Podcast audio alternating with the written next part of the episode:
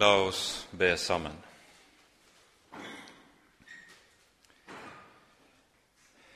Kjære gode Herre og Hellige Far.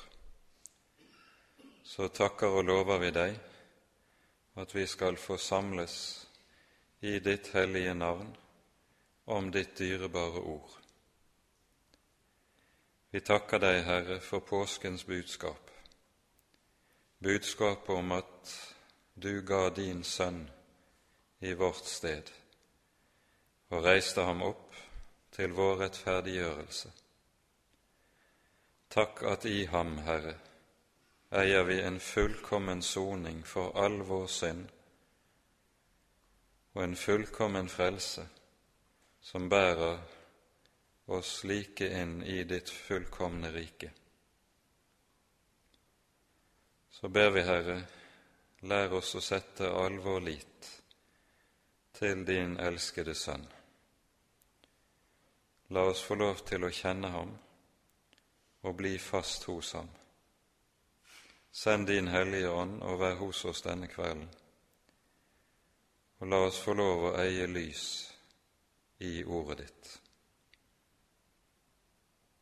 Amen.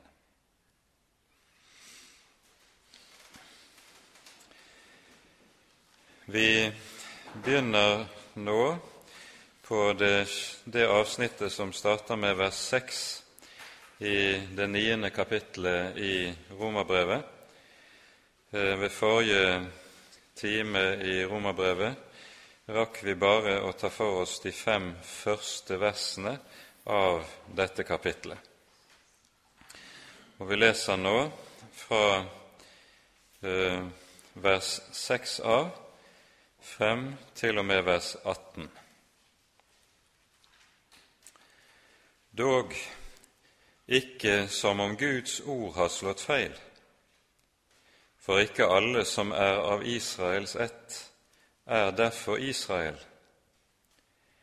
Heller ikke er alle fordi de er Abrahams ett, derfor hans barn. Men i Isak skal det nevnes deg en ett. Det er ikke kjødets barn er Guds barn, men løftets barn regnes til etten. For et løftes ord er dette. Ved denne tid vil jeg komme, og da skal Sara ha en sønn. Og ikke bare dette, men så var det også med Rebekka, hun som var fruktsommelig ved en, Isak, vår far. For da de ennå var ufødte og ennå ikke hadde gjort verken godt eller ondt, for at Guds råd etter hans utvelgelse skulle stå ved makt, ikke ved gjerninger, men ved ham som kaller. Da ble det sagt til henne, Den eldste skal tjene den yngste, som skrevet er, Jakob elsket jeg, men Esau hatet jeg. Hva skal vi da si? er det vel urettferdighet hos Gud? Langt derifra. For til Moses sier han, Jeg vil miskunne meg over den jeg miskunner meg over, og ynkes over den som jeg ynkes over. Så står det da ikke til den som vil, heller ikke til den som løper, men til Gud som gjør miskunnhet. For Skriften sier til farao, just det, til dette oppreiste jeg deg, at jeg kunne vise min makt på deg, og at mitt navn kunne bli kunngjort over all jorden. Altså, hvem han vil, den miskunner han seg over, og hvem han vil, den forherder han. Amen. Det avsnittet som vi nå begynner på, og som begynner med ordene dog ikke som om Guds ord har slått feil, har en ganske bestemt bakgrunn. For det første har det sin eh, bakgrunn i eh, det vi hører ved avslutningen av kapittel 8. Her eh, hører vi Paulus' store frimodighet, sterke visshet, komme til uttrykk, en visshet som er grunnet i Guds eget løfte, Guds egen frelsesgjerning i Jesus, som sammenfattes her i dette avsnittet i vers 32, Han som ikke sparte sin egen sønn, men ga ham for oss alle, hvordan skulle han kunne annet enn å gi oss alle ting med ham? Og så kommer på det grunnlaget ordene i vers 35 Hvem vil skille oss fra Kristi kjærlighet? Trengsel eller angst eller forfølgelse osv. Og så vers 37. I alt dette vinner vi mer enn seier ved Ham som elsket oss, for jeg er viss på at verken død eller liv, verken engler eller krefter, verken det som nå er eller det som komme skal, eller noen makt, verken høyde eller dybde eller noen skapning, skal kunne skille oss fra Guds kjærlighet i Kristus Jesus, vår Herre. Ja, vil noen gjerne da tenke, dette er vidunderlige ord. Men når vi ser på Israels folk, er det ikke slik at de har nøyaktig de samme og nøyaktig like store løfter. Og hvordan er det gått med dem? Og så kan tvilen snike seg på, nettopp med bakgrunn i det som man, Paulus og den kristne menighet ser for sine øyne, hvordan Israels folk de som barnekåret og herligheten og paktene og lovgivningen og gudstjenesten og løftene tilhører, som det står i vers 4 i vårt kapittel. Når de har så stor en åndelig rikdom, hvordan kan det da ha seg at de nettopp er blitt skilt fra Guds løfte, Guds nåde osv.? Hvordan kan dette ha seg? Er det likevel slik at Guds ord slår feil? Og det dette Paulus nå tar opp for å imøtegå det som kan bli en tvil og en anfektelse hos troende mennesker. Og så har vi altså vårt avsnitt. Dog, sier han, ikke som om Guds ord har slått feil. Tvert om, når vi ser dette avsnittet som vi nå har for oss, kapittel 9 til 11, som er et frelseshistorisk avsnitt der apostelen tar for seg nettopp både forholdet mellom jøder og hedninger rent frelseshistorisk, og hvorledes Gud styrer med sitt folk Israel i frelseshistorien på en slik måte at deres forherdelse blir til hedningenes antagelse, og så skal til slutt det bli slik at det jødiske folk også skal komme til omvendelse og bli et kristent folk henimot historiens avslutning. Dette behandles i det ellevte kapitlet her i, i brevet. Det Paulus lærer oss i det avsnittet vi nå har for oss, det er for det første hva Guds utvelgelse innebærer og dreier seg om.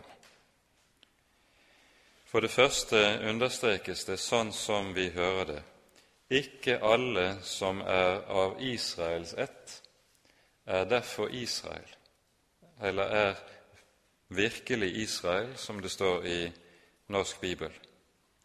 Heller ikke er alle fordi de er Abrahams ett, derfor hans barn. Det som apostelen dermed vil peke på, det er at fysisk avstamning ikke gjør noe menneske til arving til Guds rike, fører ingen med noen som helst form for automatikk til å bli arvinger til løftet noe som nettopp demonstreres og åpenbares just i den gammeltestamentlige historie, i de to eksempler som tas frem i avsnittet vårt. Det er for det første eksempelet med Abrahams to sønner, og dernest med Isaks to sønner. Vi skal se nærmere på det etter hvert. Poenget i denne sammenheng som vi må ha klart for oss, det er at Bibelen taler om to former for utvelgelse. Og det er viktig å være klar over forskjellen på disse to. For det første taler Skriften meget tydelig om utvelgelsen til frelse. Om dette tales der meget tydelig, eksempelvis i Efeserbrevet, i det første kapittel. Vi kan lese et par vers der. Og Paulus er også inne på dette i en viss utstrekning i disse kapitlene i Romerbrevet. Her står det i, Roma, i Efeserbrevet 1, vers 3 og vers 4 slik:" Lovet være Gud, og vår Herres Jesu Kristi Far, Han som har velsignet oss med all åndelig velsignelse i himmelen i Kristus, like som Han utvalgte oss i ham før verdens grunnvoll ble lagt, for at vi skulle være hellige og ulastelige for Hans åsyn. Her taler apostelen om frelsens utvelgelse. Og hva som ligger i det, noe som har sin bakgrunn i Guds år, råd fra evighet av. For det andre taler Bibelen om en utvelgelse til rent frelseshistorisk. Og det er det som gjelder Israel, det jødiske folk, som folk.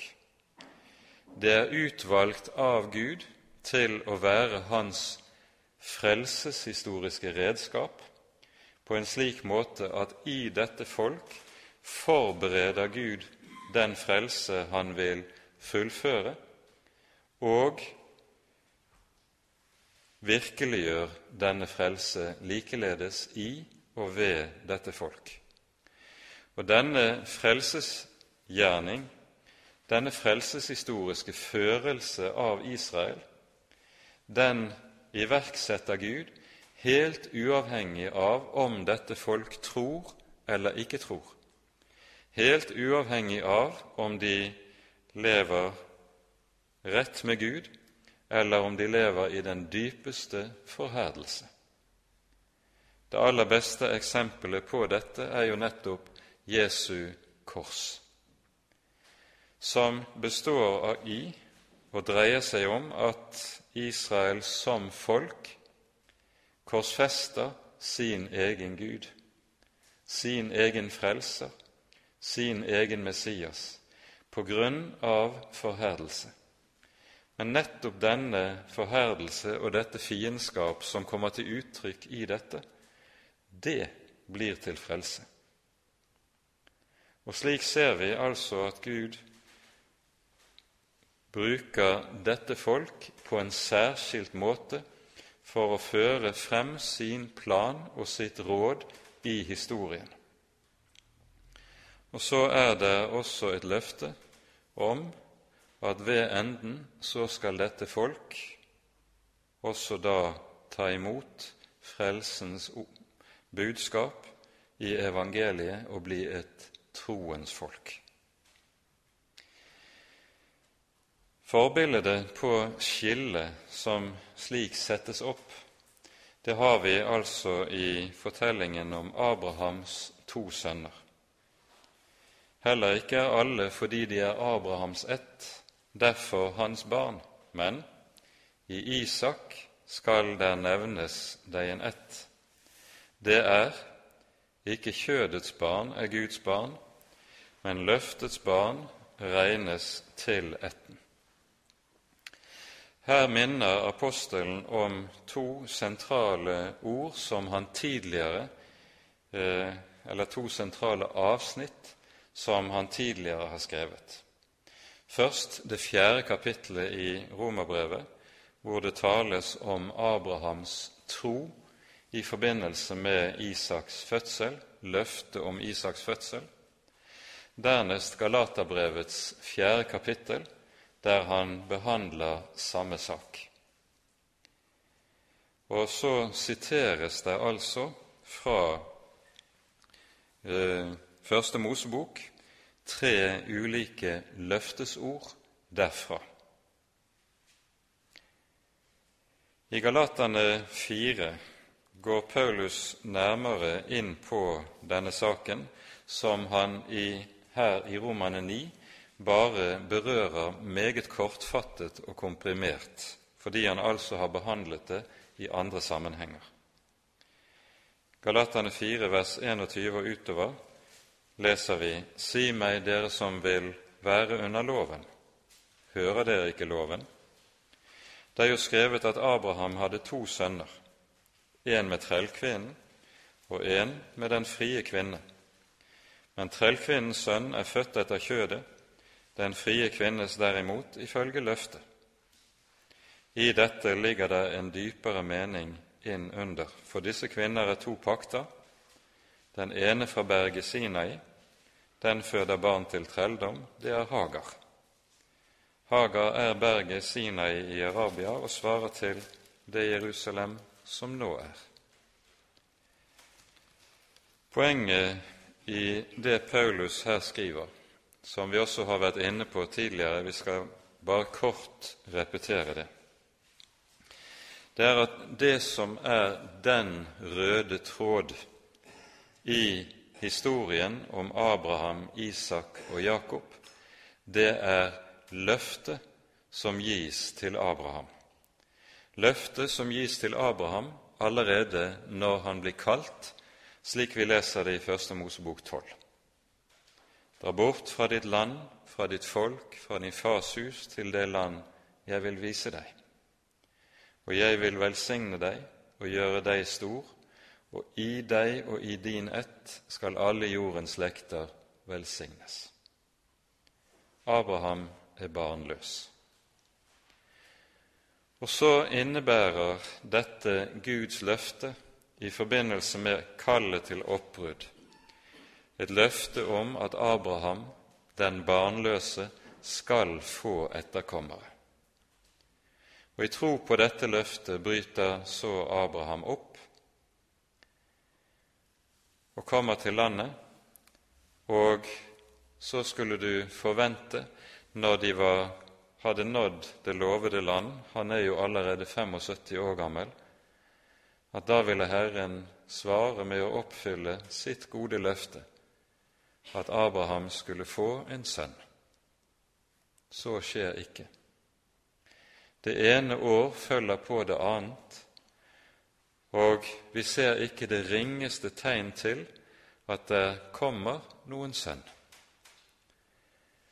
Og når Abraham så er 85 år gammel, så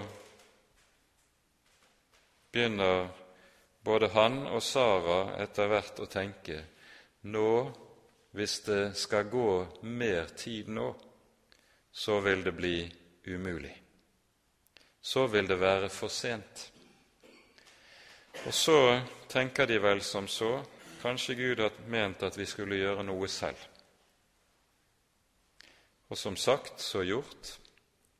Sara gir Abraham sin medhustru Hagar til hustru, sin trellkvinne Hagar til medhustru, noe som var i tråd med det som var datidens skikk. Og så avles med Hagar sønnen Ismael. Men så sies det tydelig i Galatane 4 Ismael er født etter kjødet. Hvorfor? Jo, fordi han nettopp er et resultat av at Abraham og Sara har gjort noe selv.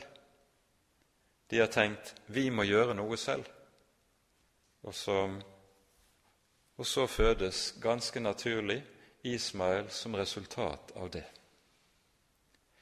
Dette er med Ismael det er et bilde på en type religion, en type kristendom, den nemlig som er født ut av det sinn som tenker 'vi må gjøre noe selv'. Den kristendom, den er født etter kjødet, den er ikke av Gud, den er menneskeverk. Og så kommer Guds løfte senere. 15 år senere kommer Herren til de to gamle. Da har Sara det ikke lenger på kvinners vis. Abraham sitt liv er utlevd, og så er de to gamle fysisk ute av stand til å avle barn. Så kommer Herren til Abraham og sier, ved denne tid neste år skal Sara ha en sønn. Da ler de to gamle, for dette er umulig. Men her er jo hele poenget at Gud venter med å gi Abraham og Sara løftet sønn til det menneskelig talt er umulig, for at det skal bli helt tydelig og helt klart at det som nå skjer, er Guds verk. Det er Guds inngripen. Det er ikke frukt av noe mennesker har kunnet få til ut fra sine naturlige forutsetninger. Isak er født ifølge løftet. Og så blir Isak bildet på det som er kristendom i ordets egentlige og rette forstand, det som er født av Gud. Og vi merker oss det ord som lyder til Abraham og Sara, nettopp i forbindelse med løftet. Det sies i Første Mosebok 18.: For Ingenting er umulig for Gud. Og Nettopp det er det jo Paulus har talt om når han har forkynt evangeliet. Når han har pekt på at det som var umulig for loven fordi den var maktesløs på grunn av kjødet, det gjorde Gud. Det er noe som er umulig for mennesker. Det gjør Gud. Og Isaks fødsel er bildet på det. Og så blir det altså et skille i Abrahams ett. Abraham er etterkommere. Han er både Ismael og Isak. Men det er bare løftets sønn som blir arving til løftet og forgjettelsen. I deg skal alle jordens slekter velsignes mens Ismail settes utenfor. Ordet som vi leser i vers 7, i Isak skal det nevnes deg en ett. Det er talt nettopp i Første Mosebok 21, der det står om hvorledes Ismail blir drevet ut.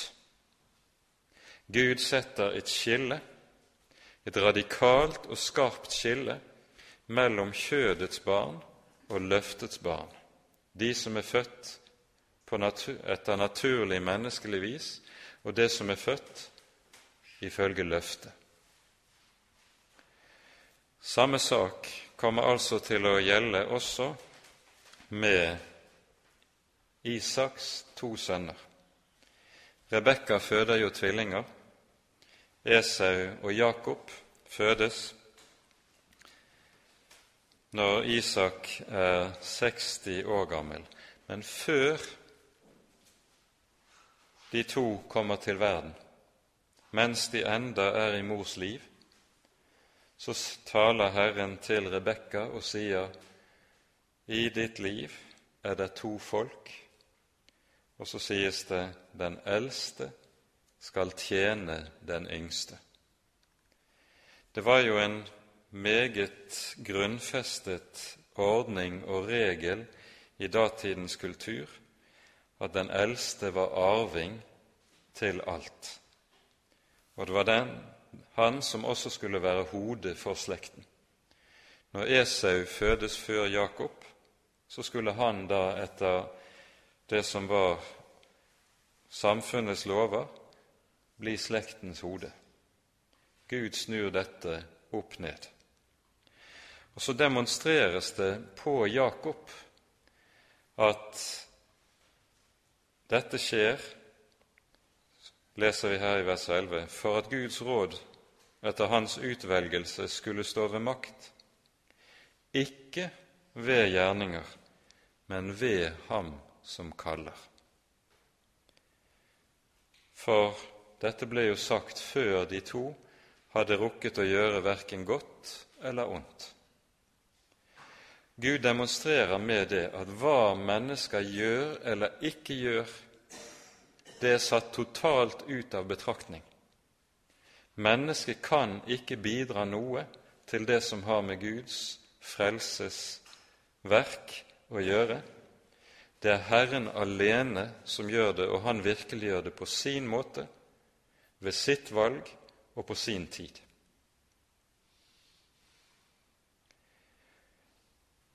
Og Jakob, patriarken Jakob, er i sin person den aller tydeligste demonstrasjon nettopp på dette Guds råd. Og Jakob er ingen from mann. Han er litt av en skurk og en lurendreier. Vi leser jo i Første Mosebok om hans bedrag, hvorledes han farer frem med svik han er det som Skriften senere sier om ham, han er hårnakket. Han er ingen person som er from av naturen eller farer frem på rettskaffent vis. Tvert om. Så skulle Gud sett til Jakob og hva han gjør eller ikke gjør, så var det i hvert fall ikke Jakob som skulle vært utvalgt. Nettopp Jakobs natur kommer jo også til uttrykk i navnet hans. Jakob betyr jo bokstavelig 'den som griper i hælen', altså den som bedrar, den som fører andre til fall. Og han er en slik. Og Derfor er også Jakobshistorien, når vi leser den i sammenheng, det er en historie som dreier seg om hvordan Gud tar seg av en synder, og så å si har et svare strev, for å tale på menneskelig vis, med å danne og forme denne synder til å bli et redskap for sitt ord og for sitt, sin vilje. Og det er en lang strid Herren har med Jakob. Herren når så å si ikke mål med Jakob før han er knekket på den måten som vi hører det i kampen i Første Mosebok 32, når Jakob kjemper med Herren ved elven Jabok. Det har vi ikke tid til å komme inn på her, men dette sier altså uhyre mye om at Guds utvelgelse den er en utvelgelse som ikke hviler på eller ser på eller er grunnet i hvordan mennesker er eller har det, eller hva de måtte gjøre. Hva vi måtte ha å fare med, det er så å si diskvalifisert. Gud setter det til side. Det som gjelder i hans øyne, det er alene at han har gjort et valg som dreier seg om at han selv uten noen menneskelig medvirkning vil virkeliggjøre frelsen. Han selv vil virkeliggjøre dette på syndere. Og så ser vi i patriarkhistorien de to viktigste grunnsannheter som Paulus har å understreke i, ikke minst i Romerbrevet, understrekes for oss. I Abraham tegnes for oss troen som det frelsen knyttes imot. Abraham er troens far. Han frelses ikke på grunn av gjerninger, men på grunn av tro. Abraham trodde Gud, og det ble regnet ham til rettferdighet, leser vi i Første Mosebok 15, og det siteres gjentatte ganger hos Paulus både i Romane og Galaterbrevet. For det andre, i personen Jakob, så får vi avbildet hvem det er Gud etter sitt råd søker for å frelse, nemlig syndere. Når Gud lar seg kalle Jakobs Gud gjennom hele Det gamle testamentet som kanskje det vanligste Guds navnet, så er nettopp dette navnet den gammeltestamentlige parallellen til at Jesus i Det nye testamentet kalles for synderes venn. For det er det Jakob er.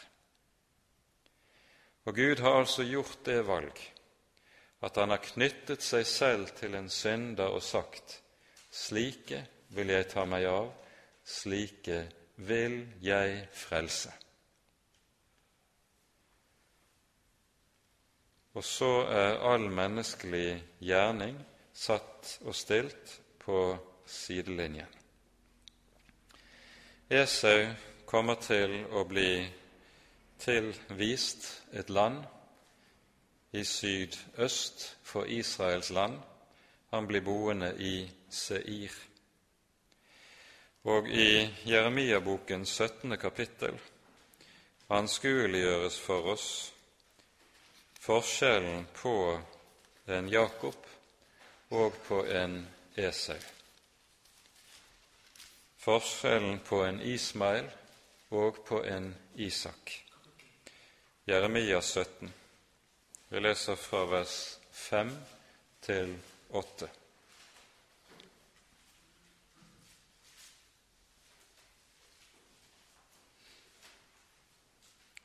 Så sier Herren, forbannet er den mann som setter sin lit til mennesker, som holder kjød for sin arm, og hvis hjertet viker fra Herren.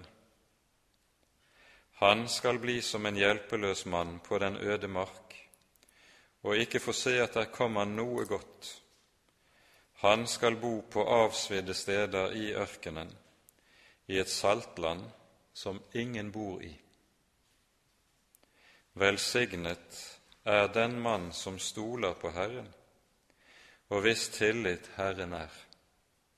Han skal bli like tre som er plantet ved vann, og skyter sine røtter ut ved en bekk, som ikke frykter når heten kommer, men alltid har grønne blad, og som ikke sørger i tørre år, og ikke holder opp å bære frukt.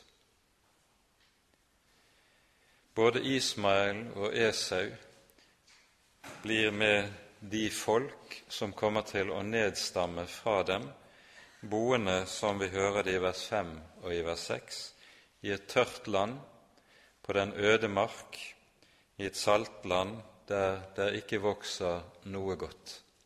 Det er ørkenens folk. Og dette er nettopp knyttet opp imot det vi hørte gjaldt Ismail. Han er frukten av at mennesker vil gjøre noe selv.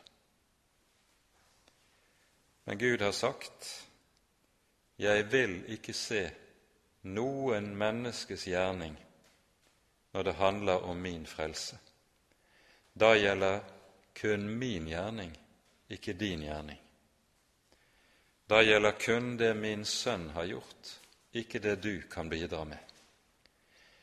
Evangeliet diskvalifiserer alt det vi har å fare med og komme med.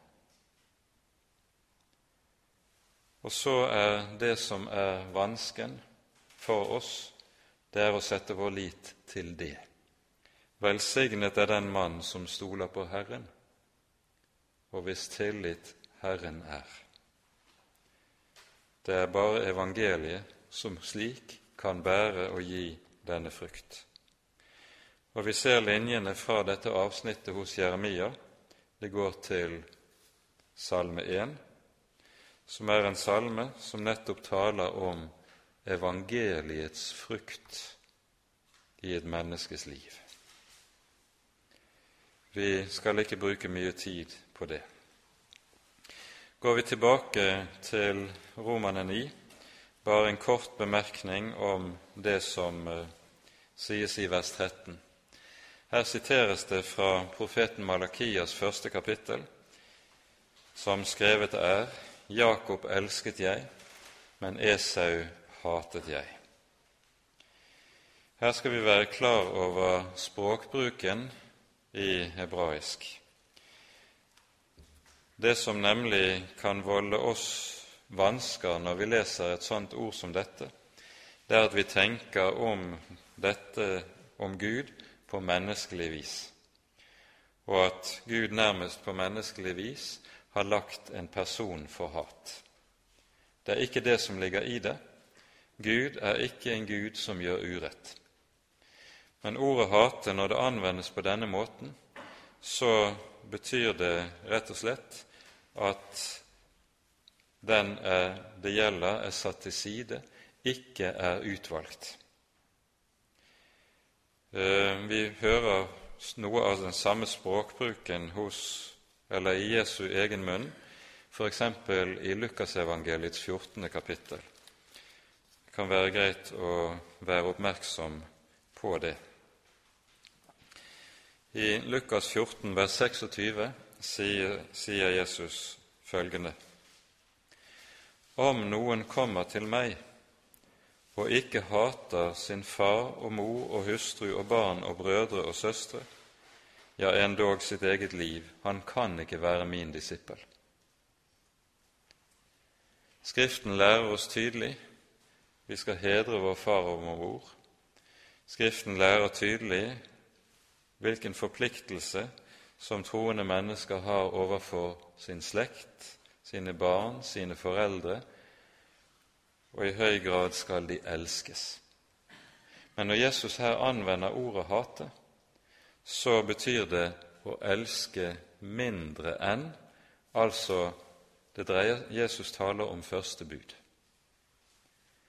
Familien skal ikke få en slik plass i menneskets liv og menneskets hjerte at det hindrer lydigheten mot Guds ord, at det setter skille mellom et hjerte og Herren. Og så ser vi Bibelen anvende altså en slik språkbruk som på, i våre ører kan virke veldig drastisk, men dette hører med til det hebraiske idiomet for å tale språk filosofisk. I vers 14 fortsetter Paulus så.: Hva skal vi da si? Er der vel urettferdighet hos Gud? Langt derifra. For til Moses sier han:" Jeg vil miskunne meg over den jeg miskunner meg over, og ynkes over den jeg ynkes over så står det da ikke til den som vil, heller ikke til den som løper, men til Gud som gjør miskunnhet. Det siste verset som vi her leste, det er altså den klareste understrekning av at i Guds rike, i frelsessaken, er all menneskelig anstrengelse satt ut av betraktning. Det står ikke til den som løper. Om anstrengelsen er aldri så intens, det bringer ikke et menneske et eneste skritt nærmere Guds rike. Men legg også merke til det står heller ikke 'til den som vil'. Vi har allerede tidligere i Romerbrevet vært inne på det som har med spørsmålet om den frie vilje å gjøre. Og vi har pekt på dette at Det nye testamentet lærer oss ikke at mennesket har en fri vilje i sin falne tilstand. Tvert om er det slik at hele menneskets personlighet er gjennomvevet av fallet på en slik måte at alle sider ved mitt personlighetsliv er undergitt fallets makt, syndens makt. Det er ikke bare følelseslivet mitt som er underlagt synden, slik at jeg, følelsene mine drar meg i retning av, får meg til å begjære det som ondt er og urett er.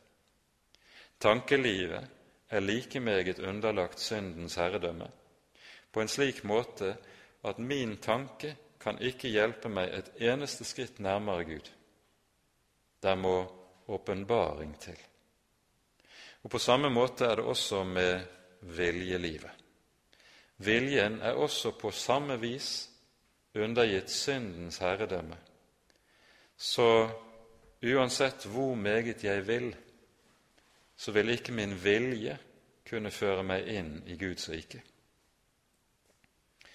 Det innebærer at alle appeller til menneskets frie vilje, som man kan høre i en del forkynnelse, det er noe som er ubibelsk, og som ikke tar høyde for Bibelens radikale tale om hvor dypt fallet stikker i vår menneskelige natur.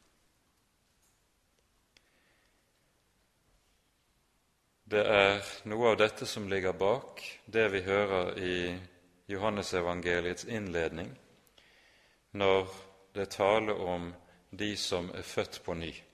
Det sies i Johannes 1, 13, og de er født ikke av manns vilje, ikke av kjøtt og blod, men av Gud. Det er altså slik at det å får del i den nye fødsel, det er noe som i like liten grad er et resultat av at jeg har bestemt meg, som da jeg ble født inn i verden som lite barn for mange år tilbake. Jeg ble ikke født fordi jeg ba om det, fordi jeg bestemte meg for det. Jeg ble født som resultat av noe andre hadde gjort mine foreldre. Og slik er det også med den nye fødsel. Den er ikke noe som skjer som frukt av min bestemmelse. Svarende til dette så hører du av og til i en viss type forkynnelse at du må overgi din vilje 100 hvis det skal bli orden på helliggjørelsen, hvis du eventuelt skal få Den hellige ånds gave. Du må overgi din vilje 100% Saken er ingen av oss kan overgi oss 100% Problemet vårt er jo at hjertet vårt er så delt, så halvt, at enhver overgivelse fra vår side, den er stykkevis og delt, og dersom mitt barnekår hos Gud skulle være avhengig av det, så ville jeg aldri kunne bli frelst. Derfor sier altså Paulus, så står det ikke til den som vil, heller ikke til den som løper, men til Gud som gjør miskunnhet. Før dette så siterer Paulus altså i vers 15 noen ord fra 2. Mosebok 33. Og vi skal ganske kort stanse opp for eh, det verset. I 2. Mosebok 33 så hører vi Mose forbønn for Israel etter fallet med gullkalven.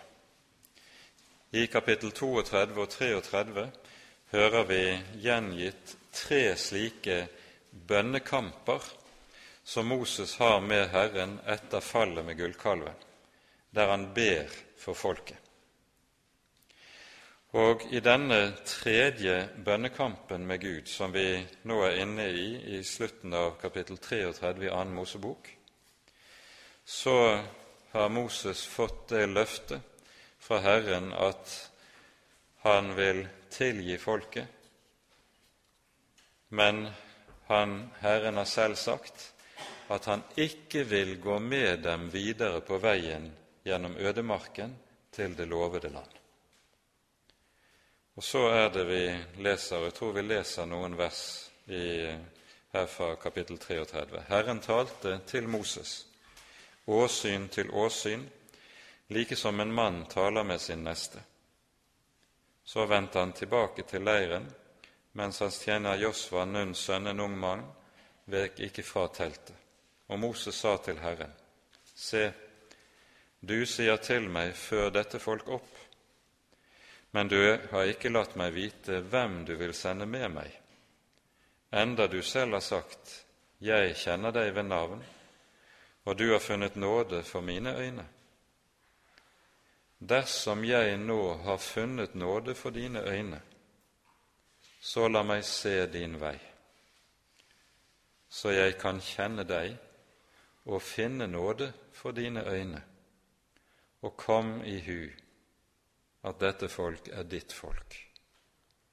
Da sa han, Herren altså, mitt åsyn skal gå med, og jeg vil føre deg til hvile. Men han sa til ham, dersom ditt åsyn ikke går med, da la oss ikke dra opp herfra. Hvorav kan jeg da vite at jeg har funnet nåde for dine øyne, jeg og ditt folk, med mindre du går med oss, så jeg og ditt folk blir æret fremfor alle folk, folkeslag på jorden. Da sa Herren til Moses, også det du nå ber om, vil jeg gjøre. For du har funnet nåde for mine øyne, og jeg kjenner deg ved navn. Men han sa, La meg da få se din herlighet. Og Herren sa, Jeg vil la all min godhet gå forbi ditt åsyn. Jeg vil rope ut Herrens navn for ditt åsyn, for jeg vil være nådig mot den jeg er nådig mot, og miskunne meg over den jeg miskunner meg over. Men du kan ikke se mitt åsyn, for intet menneske kan se meg og leve. Vi stanser der. Hele denne bønnen som vi her har lest, den handler om det som er uttrykt i konsentrert form i vers 19. Jeg vil være nådig mot den jeg er nådig mot. Det er den samme sannhet som gis oss i innledningen til Johannesevangeliet, Johannes 1,16. Av Hans fylde har vi alle fått, og det nåde over nåde. Det kunne oversettes nåde mot nåde, altså nåde i bytte mot nåde. Det betyr du har blitt gjenstand for nåde fra Gud. Du har fått del i frelsen. Og så innebærer denne nåde som Gud har vist deg, at Han vil gi deg ny nåde. Du skal så å si slippe å leve på den nåde som du fikk i går, eller for et år siden, eller for ti år siden. Han vil i stedet fornye sin nåde mot deg, stadig på ny, for han vil være nådig mot den han er nådig mot. Legg merke til det vi leste i vers 13. Dersom jeg har funnet nåde for dine øyne, så la meg se din vei, så jeg kan kjenne deg og finne nåde for dine øyne. Det Moses her ber om, det er nettopp at Gud skal virkeliggjøre dette, helt konkret inn i den situasjonen han er i når han ber for folket, la meg se din vei, så jeg kan kjenne deg og finne nåde for dine øyne. Jeg vil være nådig mot den jeg er nådig mot.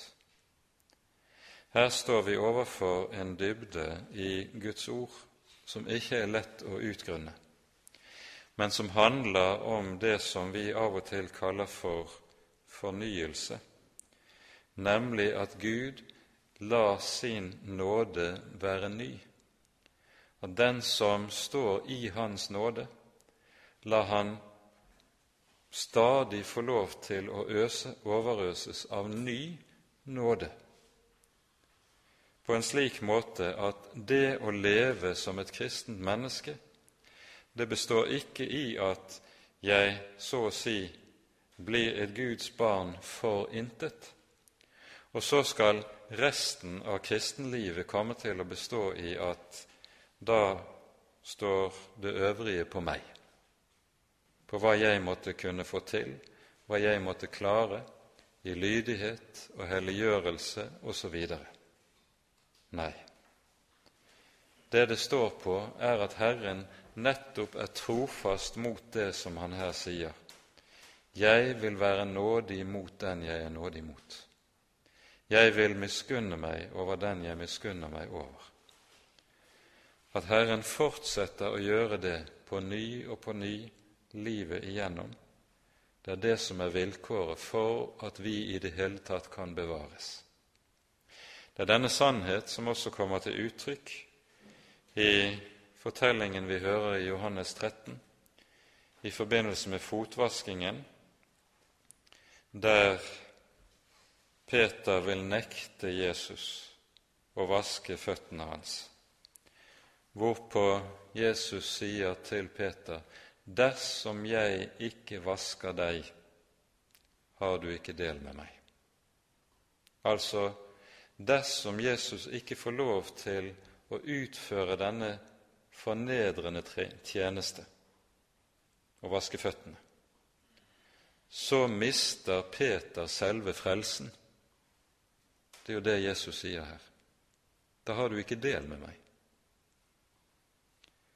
Og så ber Peter om og sier ja, ikke bare føttene, men hendene og hodet også, hvorpå Jesus svarer den som er badet, er ren over det hele og trenger ikke til annet enn å vaske føttene. Noe som altså gir oss bildet av at det å være en kristen, det er å være renset på en slik måte at en er ren over det hele. Men under den daglige vandring så pådrar vi oss urenhet fra synden i vårt eget hjerte, fra det onde som er i den verden vi lever i. Vi kan ikke unngå å tilsmusses. Og Derfor trenger vi så å si daglig å få vasket føttene. Og så ber Jesus om å få gjøre denne gjerning. Få lov til å vaske oss. Dersom jeg ikke vasker deg, har du ikke del med meg. Dersom Jesus ikke får lov til å utføre denne stadige nådegjerning og vaske oss rene for vår daglige synd. Da vil ingen av oss kunne nå målet. Da har vi ikke del med ham. Denne fortellingen er en anskuelsesundervisning av hva vi hører i dette komprimerte ordet her i Andre Mosebok 33,19. Jeg vil være nådig mot den jeg er nådig mot. Jeg vil miskunne meg over den jeg miskunner meg over. Det er Gud som i sitt hjertelag har gjort det på det vis, for at vi alltid og i alle ting skal ha alt vi trenger med tanke på det å kunne nå målet i det fullkomne Guds rike. For alt som er i verden, alt som er i våre egne hjerter, det vil hindre oss. Og Derfor er vi hjelpeløst avhengig av at Han som er Herre, er trofast mot dette, at Han er nådig mot den Han er nådig imot. Med det setter vi punktum for bibeltimen i dag. Ære være Faderen og Sønnen og Den hellige ånd, som var og er og være skal en sann Gud, høylovet i evighet. Amen.